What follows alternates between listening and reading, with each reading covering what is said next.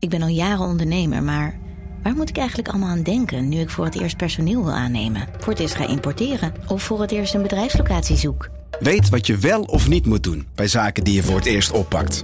Check kvk.nl voor praktische stappenplannen. KVK, hou vast voor ondernemers. Hey podcastluisteraar.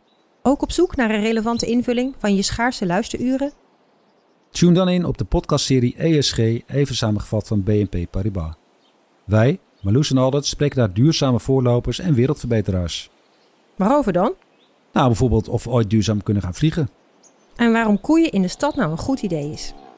Dat en meer elke twee weken in een nieuwe aflevering. Dus abonneer je. ESG, even samengevat.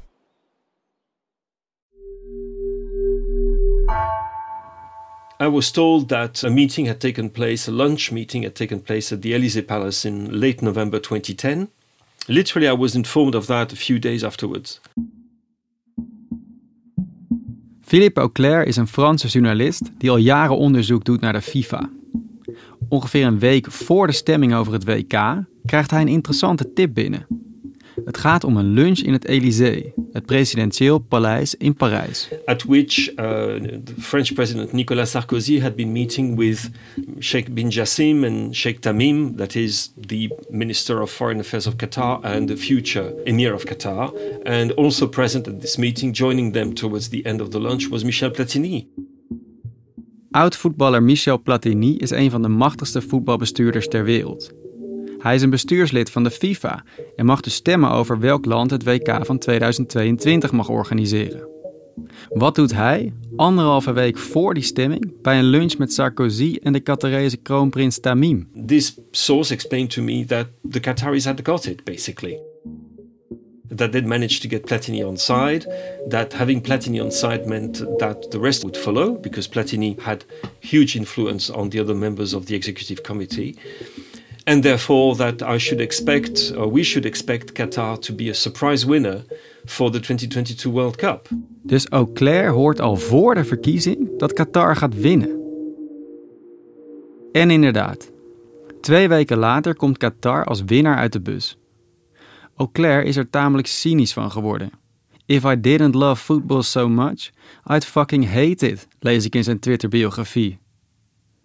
Dat er gesjoemeld werd bij de FIFA was wel bekend, zegt hij. Maar op deze schaal? We all know that there were some shenanigans happening at the time. We know money changed hands and so forth, but nothing like what it was, nothing on the scale of what happened for the 2018 and 2022 World Cups. Wat is daar gezegd in het Elysée? Welke deal is er gemaakt tussen Michel Platini, de Franse president Sarkozy en de emir van Qatar.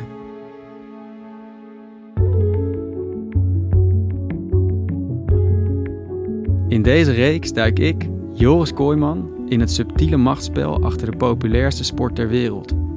Een spel dat om veel meer gaat dan om voetbal en geld. This game is more than kicking the ball. This game has a value. Ik onderzoek de machtsgreep van de golfstaten in het voetbal. Wat willen die regimes bereiken? Wat moeten voetbalfans zoals ik ermee? En vooral, wie dragen de consequenties? Dit is de Koep van Qatar, aflevering 4. De lunch op het Elysée laat Auclair niet los. So therefore, I started investigating this properly. Hij weet dat de bijeenkomst een cruciale rol heeft gespeeld in de toewijzing van het WK in Qatar. Maar op welke manier dan? Na drie jaar onderzoek publiceert Auclair een spraakmakend artikel van 20 pagina's in France Football. Dat is een voetbaltijdschrift. Hij reconstrueert daarin wat er zich tijdens die lunch in november 2010 heeft afgespeeld. Obviously, what was discussed was the relationship between France and Qatar, the economic relationship between the two countries. Tijdens de lunch belooft Qatar dat zijn nationale vliegtuigmaatschappij, Qatar Airways, 50 vliegtuigen van Franse makelij zal kopen. Daarnaast kopen de Qataris voor honderden miljoenen euro's uitzendrechten op het Franse voetbal. En Qatar belooft ook direct in het Franse voetbal te investeren. And one of the ways in which they would do that would be to purchase PSG, Paris Saint-Germain. uh, which was at the time in bad shape. Paris Saint-Germain is de favoriete club van Nicolas Sarkozy, de Franse president. Die wil niets liever dan dat de rijke Qataris investeren in zijn club. Staatsinvesteringsfonds Qatar Sports Investments neemt de club over voor 76 miljoen euro. Qatar wil daar wel iets voor terug. What we know is that coming out of this launch, uh, Michel Platini, a few days later, decided to vote for Qatar. Michel Platini was eerst van plan om op de VS te stemmen. Maar na de lunch op het Elysée geeft hij zijn stem aan Qatar. Dat klinkt als een tamelijk brutaal staaltje power politics. And obviously, his choice was absolutely huge uh, because you're talking about somebody who was, at the beginning, a clear supporter of the United States, who were the overwhelming favorites to host the 2022 World Cup. So, if Platini changes camps, that sends a very, very strong signal indeed to other people on the executive committee. Aanvankelijk denkt Philippe Auclair dat het Qatar allemaal gaat om het binnenhalen van de stem voor het WK. De overname van voetbalclub Paris Saint-Germain lijkt een moedje voor de Qataris. Een geste aan president Sarkozy in ruil voor de stem van Frankrijk. Maar, ziet hij al snel, PSG is onderdeel van een veel grotere strategie. I think it was a kind of a arms race in a way, and a continuation of this grand scheme, which is to use sport as a vector to guarantee national security for Qatar, which is a very small nation, cannot defend itself. The only way it can actually defend itself is by making itself as big as possible in a world um, where there's a lot of representation, where there's a lot of uh, publicity and huge media presence, which is sport. Een nieuwe stap in een wapenwedloop. Zo had ik nog nooit naar de overname van PSG gekeken. Wat bizar eigenlijk. Hoe wordt een Franse voetbalclub een belangrijk onderdeel in de veiligheidsstrategie van Qatar? En waarom nu juist PSG? Kijk, ten eerste, niemand ging daar voor zijn lol heen.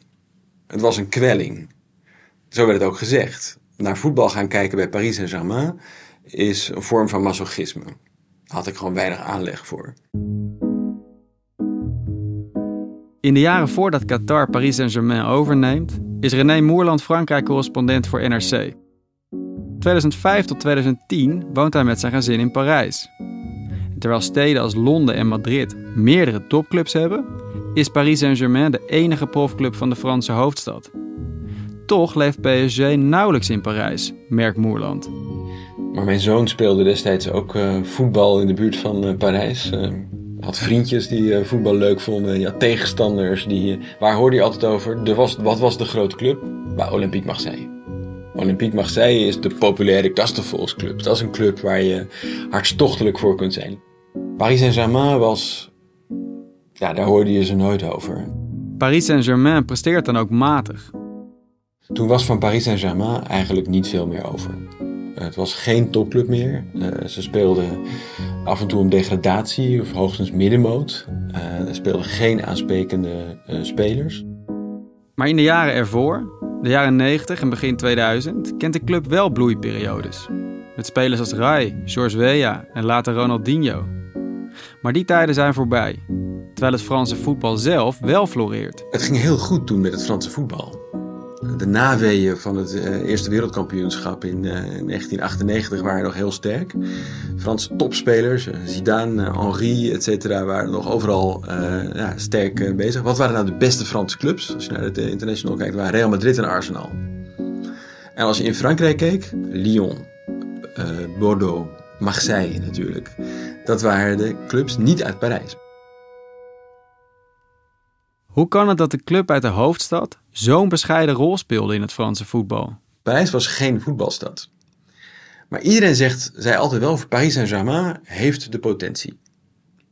Uh, toen ik net aankwam, ging het eigenlijk vooral over Stade de France. Daar was het allemaal gebeurd, daar waren ze wereldkampioen geworden. Dat ligt in Saint-Denis. Als je een voetbalclub had gehad en het was Paris Saint-Denis geweest in plaats van Paris Saint-Germain, dan was die waarschijnlijk heel groot geweest geworteld in eh, de, in de populariteit van al die hele eh, grote aantallen talentvolle, sterke jonge voetballers die daar waren.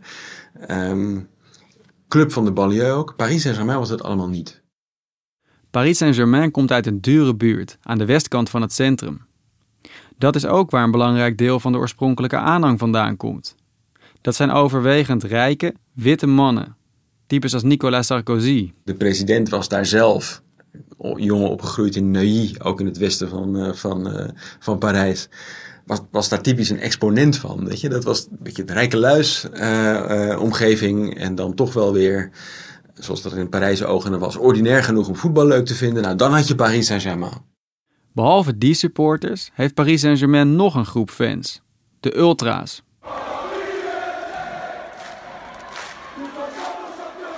Want de club is dan misschien niet populair bij het grote publiek. Paris Saint-Germain heeft een fanatieke aanhang die veel kabaal maakt tijdens thuiswedstrijden. En met die fanatieke aanhang is iets bijzonders aan de hand. Iets wat je niet vaak ziet bij supporters van een club. De harde kern is namelijk verdeeld in twee groepen. Cop Boulogne, traditionele Paris Saint-Germain aanhang. Uh, met een aantal nationalistische, felrechtse groepen. Uh, die ook veel geweld gebruikten. En de supportersgroep Auteuil. Die is wat gemixter, links geëngageerd en bestaat ook uit supporters uit de buitenwijken van Parijs. Het bijzondere aan deze situatie: de twee supportersgroepen vechten elkaar de tent uit. Letterlijk. Daar schreef ik ook over als, uh, als correspondent. Want Paris Saint-Germain was toch wel heel uniek in het Europese voetbal, omdat ze de eigen supporters verbood wedstrijden bij te wonen, omdat ze met elkaar gingen vechten. Niet eens tegen de tegenstander, maar met elkaar. In 2010 loopt het na een wedstrijd volledig uit de hand. Een van de aanhangers van Cop Boulogne werd gelincht door de andere.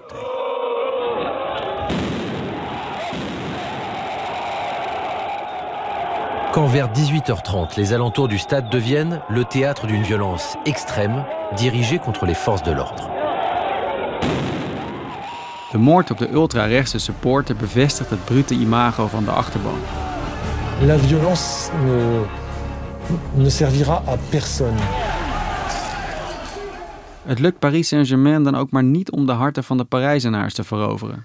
De vraag die de leiders van de club steeds hadden is: hoe wortel ik die club? Hoe breng ik hem naar de bevolking toe? Hoe maak ik de club populair? En wat je steeds ziet, is dat ze dan pogingen ondernemen om nou, een supporterschaar op te, op te bouwen, uh, door het aantrekkelijk te maken.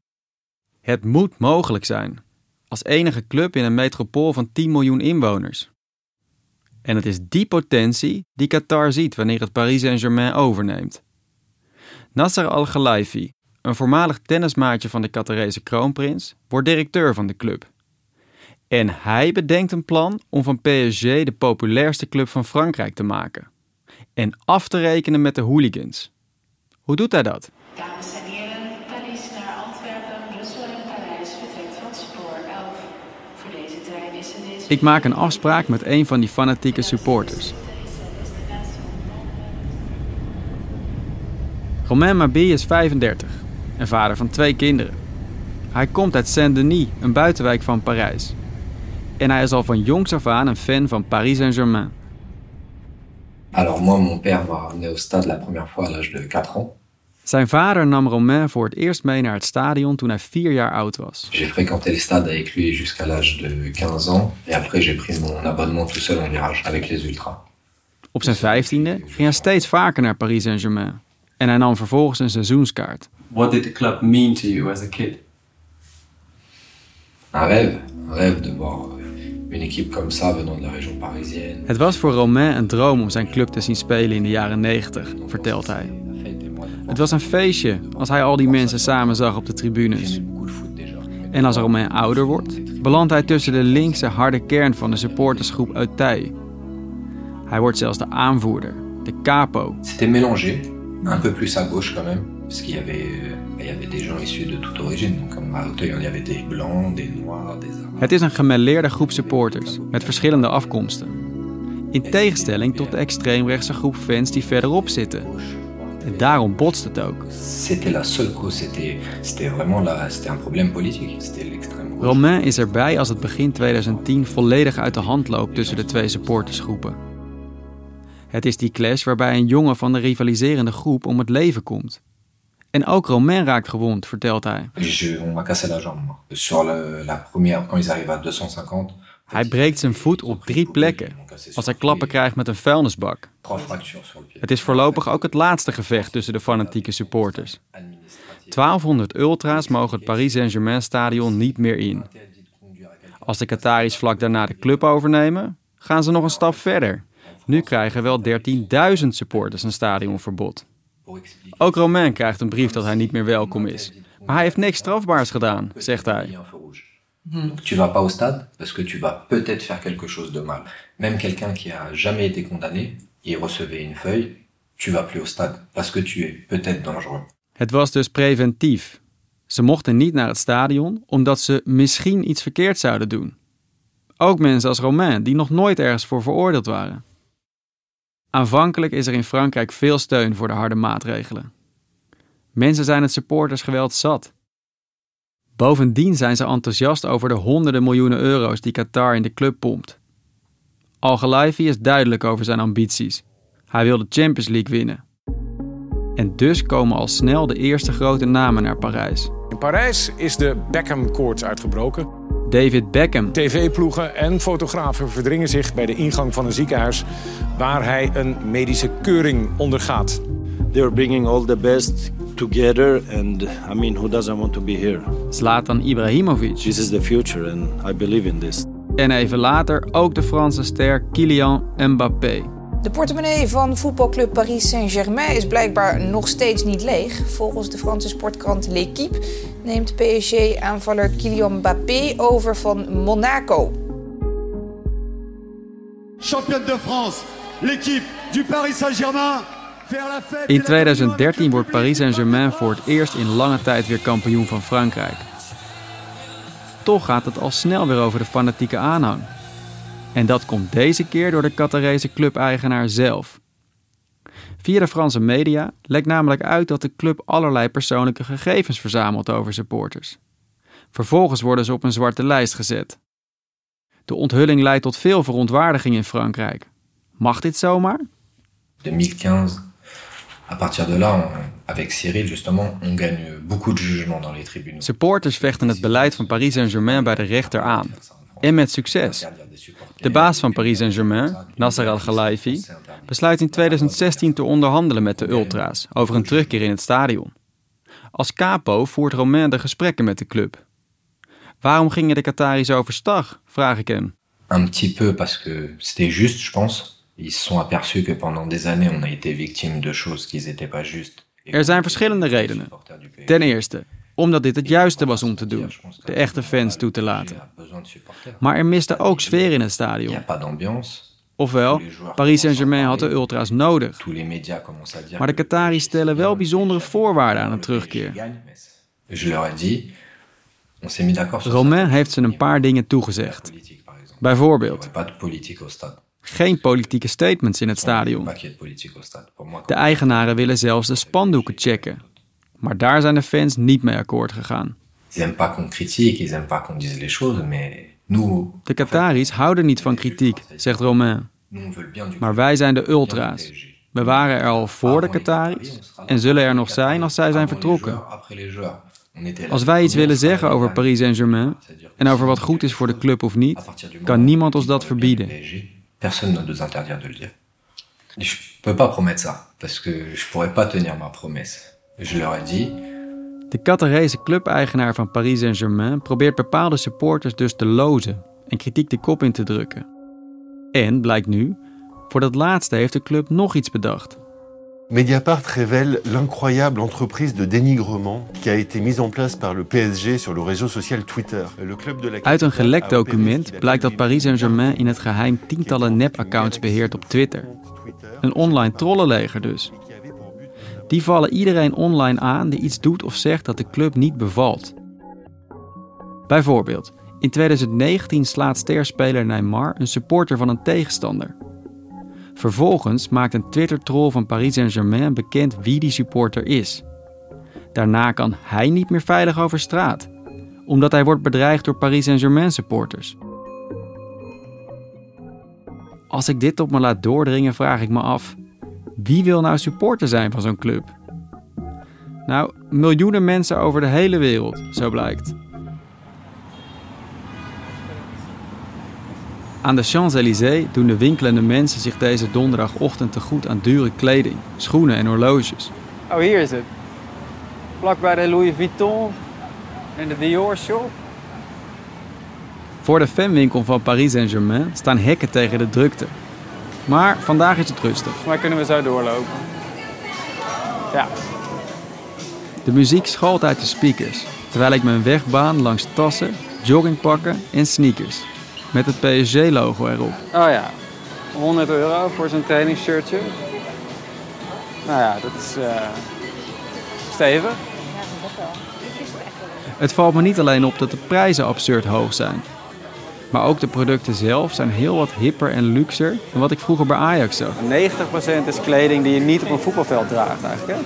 Nou ja, sowieso dat je bedenkt om niet gewoon Nike als shirt sponsor te nemen, maar zo'n Air Jordan lijn op te zetten. Wat echt natuurlijk heel totaal hip is en, en in de, ja, helemaal in de urban culture past, zeg maar. Dat is echt slim bedacht. Uiteindelijk hou ik het bij lollies en een miniatuurvoetballertje. Bonjour. C'est qui? C'est Messi, non? Oké. Merci. Au revoir. Nou, toch voor eh 5 euro Messi gekocht. Geen gekke transfer, zou ik denken. Als ik weer buiten sta met mijn lollies en mijn mini-Messi, zie ik hoe verschillend het publiek is dat de PSG-winkel uitkomt. Ouders met kinderen, stoere, hippe jongens, maar ook jonge vrouwen. En vooral heel veel toeristen. Where are you guys from? Denmark. Paris Saint-Germain heeft ook fans in Denemarken, kom ik achter. What do you think of PSG? I don't have an opinion on that. I don't watch football. Oh, but my mom loves uh, PSG. So she asked me to just go see if there's anything that made sense to buy or whatever. Why, why does your mom love PSG? How come? I have no idea. I think it's because of the players. En niet alleen de spelers maken de club wereldwijd populair. De uitstraling is ook gewoon cool, horen we een Oostenrijkse man en zijn vriendin zeggen. What did you get from the store? Ah, two jerseys. So you are you a fan? Yes. How come you're from Austria that you're a PSG Ah, fan? first of all, I, I love Messi, and yeah, the merchandise in Paris is very pretty. So Yeah, what is so pretty about it? yeah, it's a Jordan product, and uh, the style is different, and yeah, it's something we don't have in Austria. Yeah, what was the nicest thing you? Mm, the colors and yes, it's also from Nike. It's very cool. Do, do you have some some uh, clothing as well for yourself No, as well? no. no, no, no. no. no, but she bought me this one, uh, so it was a present from her to me. What does it say? Ici c'est Paris, and the, oh, the big Air Jordan logo. Yeah, yeah. How much did you pay? Both together, 220. That's a lot, eh? It's a lot, yeah. It's worth it. De club heeft meer dan 100 miljoen volgers op sociale media, zie ik. En er zijn meer dan 100 fanclubs, niet alleen in Frankrijk, maar vooral ook in landen als Mexico, Japan en de VS. Hoe kan dit? Natuurlijk, het voetbalsucces speelt een rol. Maar er is nog iets, valt me op. Paris Saint-Germain heeft een super slimme, geraffineerde marketingstrategie. Het maakt van PSG een luxe merk. Zo werkt de club sinds de overname door Qatar samen met modehuizen, Christian Dior bijvoorbeeld. En sterren van de club zoals Neymar doen mee aan de Paris Fashion Week. En Paris Saint-Germain heeft een winkel op Fifth Avenue in New York, tussen de chique modewinkels. On va parler du PSG ce matin, qui ouvre une boutique sur la 5e avenue à New York. Bij Champions League wedstrijden nodigt de club beroemdheden uit, zoals Beyoncé, Jay-Z, Rihanna. En daarmee spreekt de club niet alleen rijke Parisiens en toeristen aan. Ik vind een videoclip van de Franse rapper en PSG-fan Niska. Daarin is te zien hoe hij en collega-muzikanten handenvol bankbiljetten om zich heen smijten. Ze dansen in PSG-shirts rondom een knalgele sportwagen in de tuin van een luxe villa. En intussen houden ze een balletje hoog. Paris Saint-Germain is cool, luxueus en geeft aanzien, lijkt Niska uit te dragen.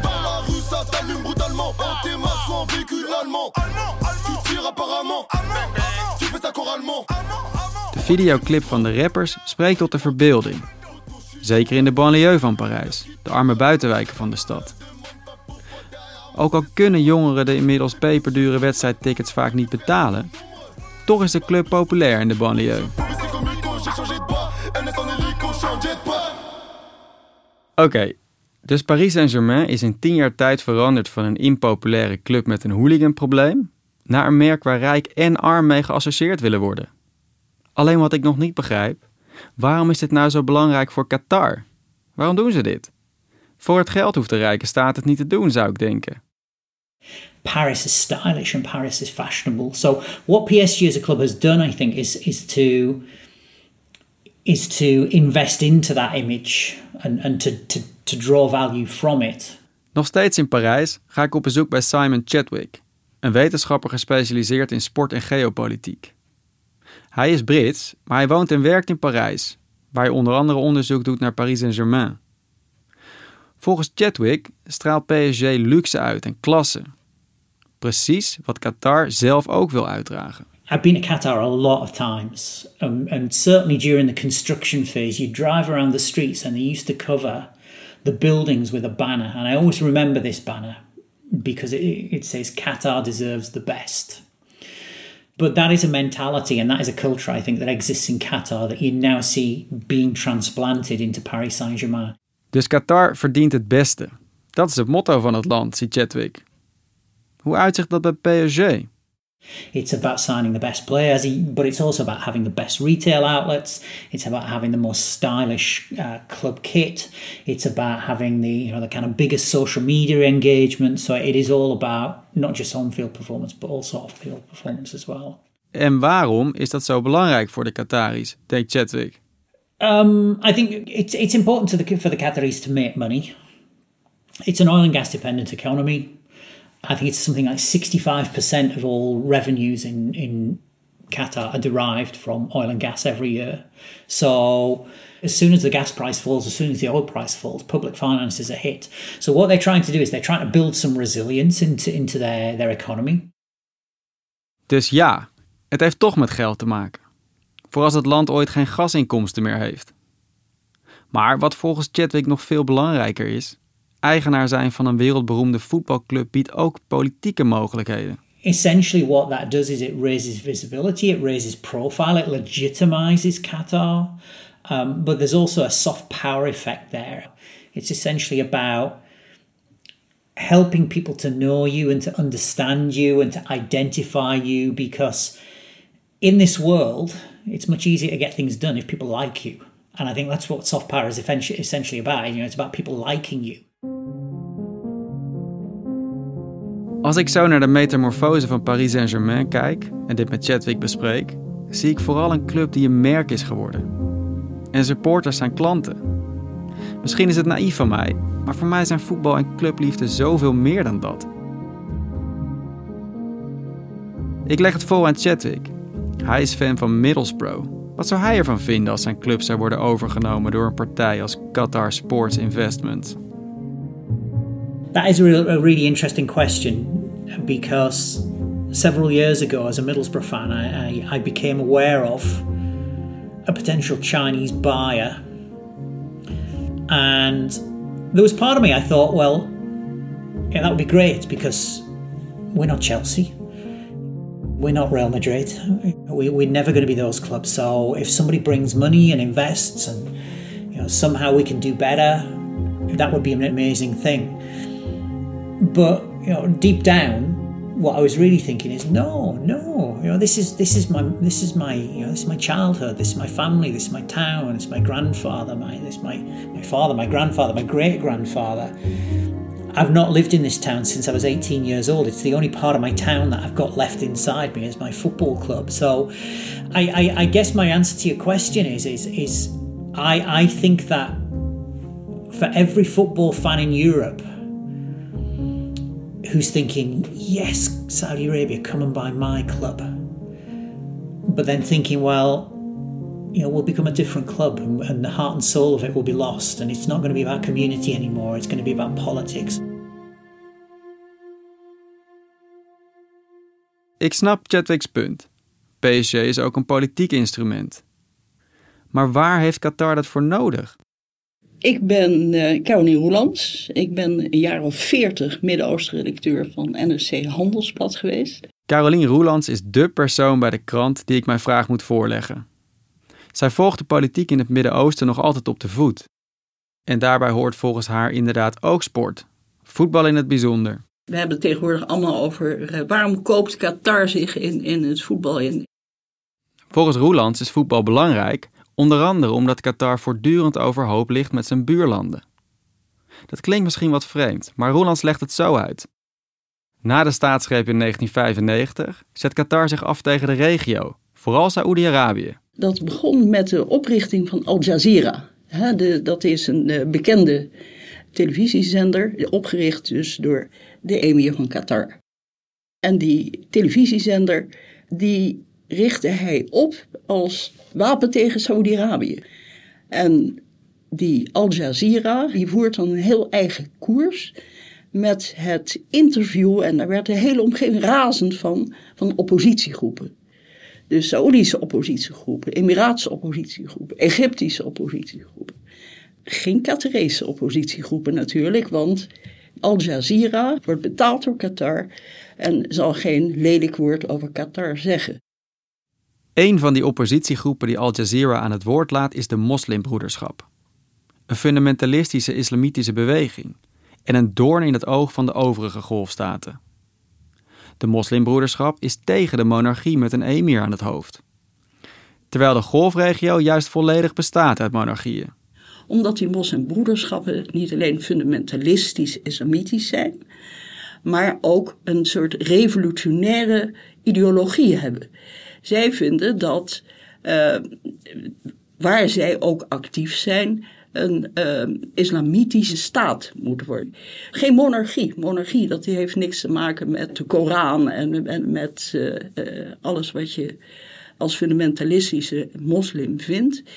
Waarom geldt dat niet voor de monarchie in Qatar? De monarchie in Qatar die loopt heel weinig risico van de moslimbroederschap. Hè? Want je zou kunnen zeggen, de emir is hun financier uiteindelijk. Hij biedt hun onderdak. Waarom zou je in vredesnaam beginnen met die emir omver te werpen die jouw uh, financier en steun en toeverlaat is? Volgens Roelands voelt de koninklijke familie in Qatar zich ideologisch meer verbonden met de moslimbroederschap dan met Saoedi-Arabië. Dat wordt als een bedreiging gezien, tot grote frustratie van de andere golfstaten. Zij vinden dat Qatar een heel gevaarlijke koers vaart met die steun aan die moslimbroederschappen. En daar willen ze gewoon vanaf. Is dan niet het risico dat, er, dat, dat de grote buurman Saoedi-Arabië op een dag zegt: jongens, het is mooi geweest? Nou, dat hebben ze geprobeerd. Hè? Dat, uh, die emir hebben ze de wacht aangezet van dit moet ophouden, we gaan je boycotten, we trekken onze ambassadeurs terug. En dan uh, moeten al die moslimbroeders die je onderdak biedt en die je financieel ondersteunt, dat moet ophouden. En dan zegt uh, de emir, zegt oké, dat zullen we doen. Maar hij deed het niet. Dan krijg je de volgende grote breuk en dat is in 2017. En deze breuk heeft volgens Roelands niet alleen te maken met de moslimbroederschap of het opeisen van Qatars autonomie. Qatar, dat een grote gasbel deelt met Iran, staat op goede voet met zijn overbuurman. En dat terwijl de overige golfstaten Iran juist als vijand zien. Die zijn als dood voor Iran, omdat het een islamitische republiek is die voortkomt uit een islamitische revolutie. En die islamitische revolutie uit 1979 heeft de bedoeling om het hele gebied te overspoelen. Qatar, dat met zowel de moslimbroederschap als met Iran vriendjes is, vormt daarom een bedreiging. En in 2017 escaleert het. Vijf Arabische landen verbreken banden met Qatar. Ze beschuldigen Qatar van het financieren van terrorisme en het destabiliseren van de regio. Die verbreken alle banden, er wordt niet meer gevlogen, er wordt niet meer gevaar, het wordt helemaal geïsoleerd. De verhoudingen tussen Qatar en andere landen in de regio waren al langer gespannen, maar vandaag barstte de bom.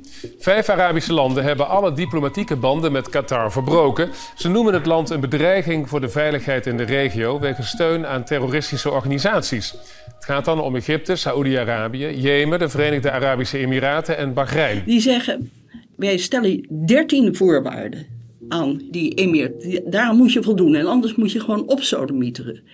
En je moet onder andere ophouden met die steun natuurlijk. Je moet afstand nemen van Iran en je moet uh, nou, een heleboel andere dingen doen. En Al Jazeera gewoon uh, uh, sluiten. En alle andere media die je hebt, alles sluiten.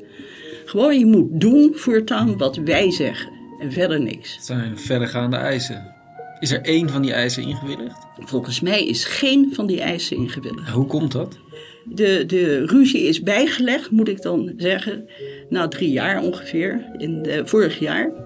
Ik denk omdat Qatar gewoon te rijk is. Ja, en omdat in de omgeving en daarbuiten heel veel andere regeringen grote belangen bij Qatar hebben. Dit is precies waar Qatar op uit is. Dat andere landen in de wereld belang hebben bij Qatar. Dat het gezien wordt en bondgenoten heeft. Waardoor het als klein staatje een autonome koers kan varen en zich niets hoeft aan te trekken van zijn boze buurlanden. Voetbal kan daarin een rol spelen, denkt Qatar. Dat blijkt des te meer in de zomer van 2017. Opvallend genoeg enkele weken nadat Qatar ruzie heeft gekregen met zo ongeveer de hele golfregio. Goedenavond. Het leek onbestaanbaar, maar het ziet er steeds meer naar uit dat de duurste voetbaltransfer aller tijden er toch gaat komen. Paris Saint-Germain heeft in totaal meer dan 500 miljoen euro over om Neymar bij Barcelona vandaan te halen. En daarvan gaat bijna de helft op aan een afkoopsom van 222 miljoen euro. De transfersom van 222 miljoen euro is twee keer meer dan ooit is betaald voor een speler. Waanzin, reageert de voetbalwereld. Maar door de timing van de transfer denkt sportwetenschapper Chadwick dat het om meer dan slechts een voetbaldeal gaat. Volgens Chadwick is het een voorbeeld van hoe PSG als een politiek instrument wordt gebruikt. Hij denkt dat de transfer van Neymar een duidelijk statement is aan de buurlanden van Qatar. I, I think that Neymar was you know, in, in very very kind of simple but quite dramatic terms, was a you know, almost like a soldier on the front line of a war. Um, obviously, he wasn't wearing a, a, helmet or carrying a gun, um, but he was still serving a, a, purpose in this battle between between um, Qatar and Saudi Arabia. I think one level it was this was about Qatar demonstrating to its uh, adversaries, Saudi Arabia, Bahrain, Abu Dhabi, um, uh, Dubai, Egypt, and, and, others. It was about signaling to them and saying, look, we're not frightened of you. Uh, we've got the financial resources to to sustain this battle. Um, so, you know, you choose to continue this. You know, we've got the money; we can afford it. But as well, what what I think the Qataris were doing is is they were positioning themselves as um, almost like innocent parties. You know, just look at us. We, all we want to do is play football, and we're just like you. We want to see great football played by great players and your successful teams, and you know, right. We want to entertain you across the world. Nu, ruim tien jaar nadat Qatar Paris Saint-Germain heeft overgenomen, besef ik pas wat een geweldig marketinginstrument het oliestaatje in handen heeft. En dat moet het WK 2022 eigenlijk ook zijn. Maar wat Qatar zo goed lukt met Paris Saint-Germain, gaat met het WK juist hopeloos mis. Omkopingsschandalen komen aan het licht. I witnessed basically 1.5 million dollars being offered to three EXCO members in exchange for them to vote for the Qatar 2022 bid. Mensenrechtenorganisaties duiken op de slechte arbeidsomstandigheden in het land. Qatar, one of the richest countries in the world per capita. Its booming construction industry has been fueled by its successful bid to host the 2022 World Cup. But while arguments rage over the risks footballers will face playing in Qatar's extreme heat, migrant workers from Nepal are dying on the job in record numbers. Zelf reis ik af naar Nepal om met teruggekeerde arbeidsmigranten te spreken. Blood would often come out from my nose when I used to work in extreme heat. Our clothes would get drenched, so we would squeeze it to take the sweats out and wear it again. Het WK belooft alles behalve een positieve PR-stunt van Qatar te worden. Luister volgende week naar aflevering 5 van de Koep van Qatar. Een podcast van NRC, gemaakt door mij, Joris Kooijman en Gabriella Ader. Montage door Jan-Paul de Bond. De muziek is van Darius Timmer. Eindredactie door Mirjam van Zuidam en Anne Moraal. En met veel dank aan Enza van Steenbergen. Wil je de volgende aflevering alvast beluisteren? Ga dan naar de NRC Audio app. Technologie lijkt tegenwoordig het antwoord op iedere uitdaging. Bij PwC zien we dit anders. Als we de potentie van technologie willen benutten, kunnen we niet zonder een menselijk perspectief. Human-led, tech-powered noemen we dat. Ga naar pwc.nl.